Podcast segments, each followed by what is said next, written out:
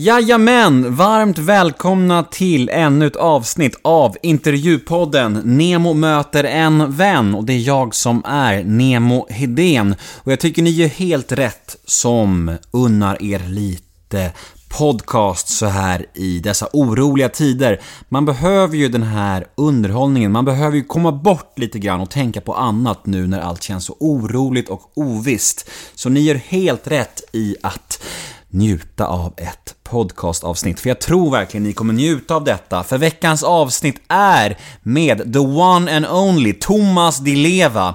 En livslevande legendar, vågar jag faktiskt påstå. Han är också en människa som egentligen inte behöver någon närmare presentation faktiskt.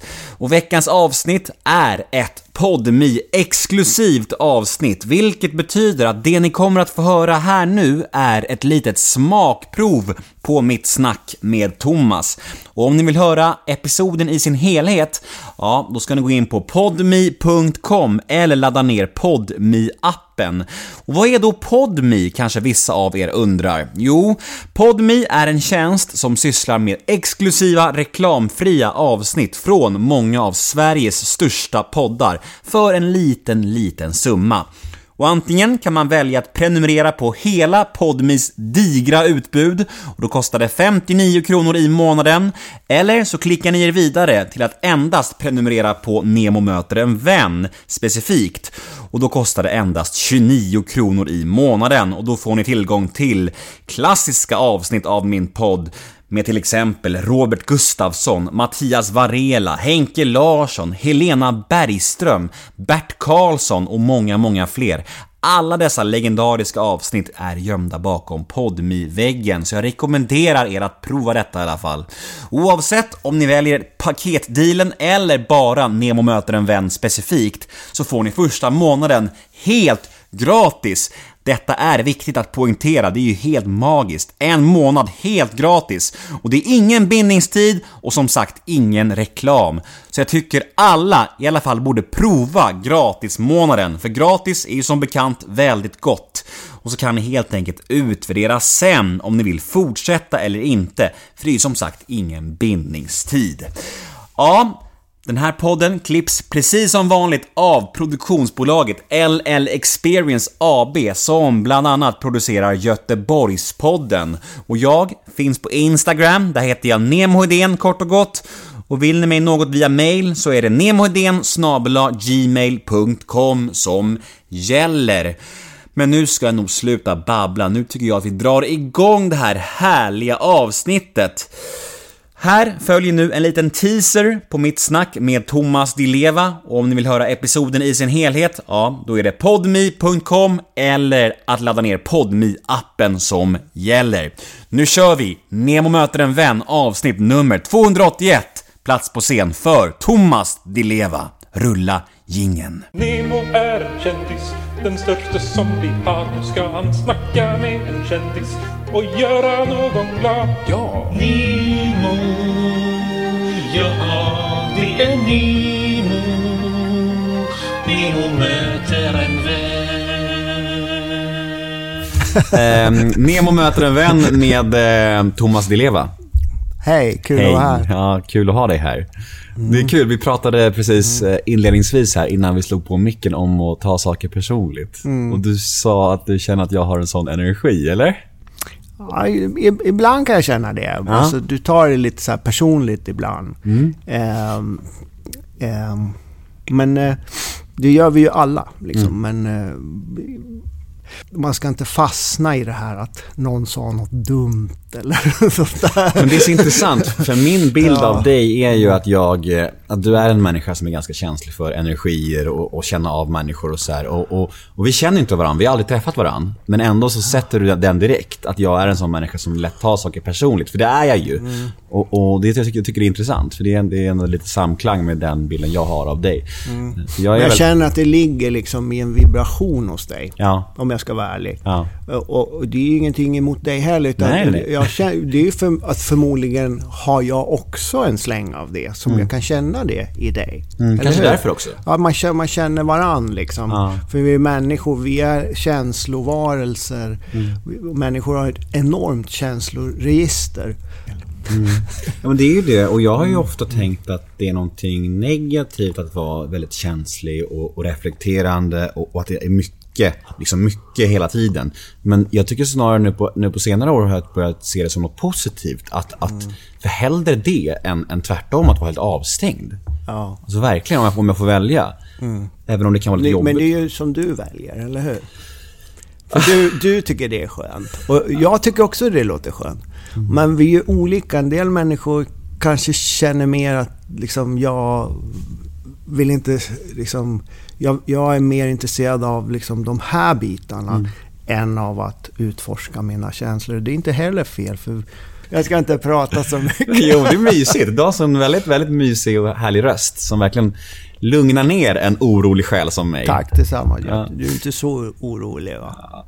Ganska, men ja, jag vet inte hur mycket som är jag och hur mycket som är de här småbarnsåren som vi pratade om lite innan. Att man är inne i någon slags konstant gegga och dimma av trötthet och oro och allt som nytt och du vet snurrar och så här. Så jag vet inte riktigt vad som är vad, men jag vet inte. Men det är också någonstans så... Du har, du har ett barn? Jag har ett barn, en två och en halvåring och så kommer nästa nu när som helst egentligen. Ja, det, det, alltså, det är ju när småbarn är ju... Första gången man, man får en bebis är ju en... Det är ju, en, det är ju den största resan man kan göra egentligen. alltså, det är helt Det är otroligt. otroligt alltså. Eh, Just vi, vi pratade om det innan här i fikarummet innan vi började med podden. Just det här att när man var kanske 15-16 och man bara hängde med kompisar och så här, Då hade man kanske ingen aning om hur det skulle kännas sen när man blev förälder. Ehm, du, det här är ju speciellt att sitta med dig. Jag har ju växt upp med din musik och jag tror jag sa det i något av våra telefonsamtal inför det här att jag kommer från en ganska brokig och stökig barndom liksom. Och en av få ljusglimtar på riktigt är när jag och mina syskon dansade till din musik. Everyone is Jesus och vi har bara varandra och kul, vem ska ja. tro på? Det är helt sant. Tack, det, ja. alltså det blir väldigt, på ett personligt plan väldigt fint att sitta här med dig, måste jag bara säga det. Tack, ja. Ja. Ja, det är roligt. Jag, jag tänker inte så mycket på det. Nej. Så här, typ att, jag, när man träffar publik och så, här, så, så tänker man på det. Men i, i vardagen, när jag är hemma och så här, jag tänker knappt att jag är artist. Men jag, jag håller ju alltid på med olika låtar och olika shower och så här. Som, jag håller ju alltid på med kreativa saker. Men när jag är hemma så på något sätt så det är väldigt svårt för mig att förstå ibland att jag faktiskt har varit artist i hela mitt liv. Ja, vad är det, 40 år eller vad är det? ja, något sånt där. Helt galet ju. Ja, jättelänge. Jag läste någonstans att du fick skivkontrakt 1980. Det är ju 40 år sedan. Ja.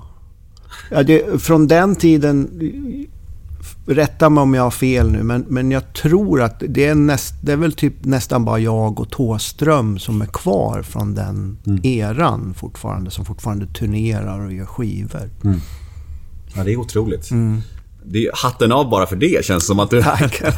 ligger i. Ja. Men om vi ska ta oss igenom en helt vanlig dag i Thomas Nu ska jag inte säga Thomas Ledins liv, det hade varit illa. Ja, men det är bra. Han har säkert en kul dag. Nej, jag, jag är säker på att du är väldigt mycket mer intressant än Nej, Thomas det Ledin. No offense Thomas Ledin. Nej, det tror jag inte. Jag, jag tror han har jättekula dagar. Det har jag säkert. Ja. Men jag tänker, du, du har ju barn och du har ju karriär och allt vad det nu är. Och så här, men, men när det inte är så mycket på jobbfronten, vad, hur, hur ser dagarna ut just då? Det är ju alltid någonting som måste, alltså, måste göras för mig. Eh, I, i, om jag inte är ute på turné så är det ofta samtal med agenter och med, med eh, alltså, människor som eh, jobbar med mig organisatoriskt med olika bokningar och, och planeringar. Och, eh, då är det ju mycket sånt. Och, och, och mycket också hinna med försöka svara på några av alla mejl som kommer. Man försöker hinna det också. Det är inte lätt. Men jag gör så gott jag kan. Men man ligger ju ständigt efter med sånt. Och så... Sen brukar jag på, ofta på, på, på kvällarna brukar jag sitta i min studio och, och jobba med någon ny låt eller... Eh, jag tycker det är väldigt roligt att sitta själv och, och, och skriva musik i min studio. All den musiken kommer ju inte ut naturligtvis. Men eh, jag tycker det är så himla kul att, att jobba i studion just nu. Alltså just nu, det, det har varit så sista två åren ungefär. Som en nytändning typ. Ja, i det här med studioarbetet och hålla på och producera saker och eh, det är himla kul. Mm. Det, det, det tyckte jag var roligt också när jag var när jag var i 20-årsåldern, 20 fram till kanske 30-35 tyckte jag också det var himla roligt att eh, arrangera och musiken och så här, jobba med produktionsmässigt. Men eh, sen så tappade jag lite feelingen för det och la ut produktionen väldigt mycket på andra. Men sen nu sista åren så känns det som att jag kommit tillbaks till, till själva produktionsmomentet. Mm så, för det var ett, ett antal år då jag mest bara skrev låtarna och så lät jag någon annan sitta och programmera fram det och spela. Och, jag, jag spelade lite gitarr och lite så här, sjöng lite och så här, och spelade någon synt och var nöjd. Tamburin gillar jag att spela. hur, hur många instrument eh, hanterar du? I, I studion så hanterar man ju alla. Mm. För idag, i dagens studiovärld så är det ju det är ett datalandskap så du Mm. kan ju programmera ett trumset som, som i datorn så ingen kommer att höra någon skillnad Nej. på om det är spelat eller om det är bara ett programmerat trumset. Ja. Och du kan göra lika med alla instrument men jag försöker ju spela, dels när det är så piano, när det är gitarr och så här, då, då spelar jag det live så mycket som möjligt. Men sen klipper man ju i det. Men det är på samma sätt som när man gör långfilm så man klipper ju i alla scener och man klipper saker så det blir tight liksom. Du, vi ska leka en lek nu som heter Okej. associationsleken. Det går ut på att jag säger ett ord eller ett namn och så får du helt enkelt utveckla dina tankar eller känslor kring det ordet eller det namnet. Långt eller kort Ja, det är helt upp till dig. Ja. Du kan bara säga en, men, en mening, ett Mm, ord, eller prata i fem minuter. Okej. Helt upp till dig. Är du med? Vi provar. Vi provar. Första ordet är åldrande. Spännande. Är det? Ja, jag tycker det faktiskt. Trivs du med det, att åldras? Ja, det gör jag faktiskt. Jag tycker det, det känns skönt eh, eh, att man blir äldre. Jag tycker det är en... Eh, men det är också en naturlag någonstans. Att vi reser framåt i tiden och den här personen som jag är nu, Thomas Di Leva, kommer ju inte alltid att finnas. Utan den kommer ju att dö. Men det betyder ju inte att, att min essens eller min, min själ dör.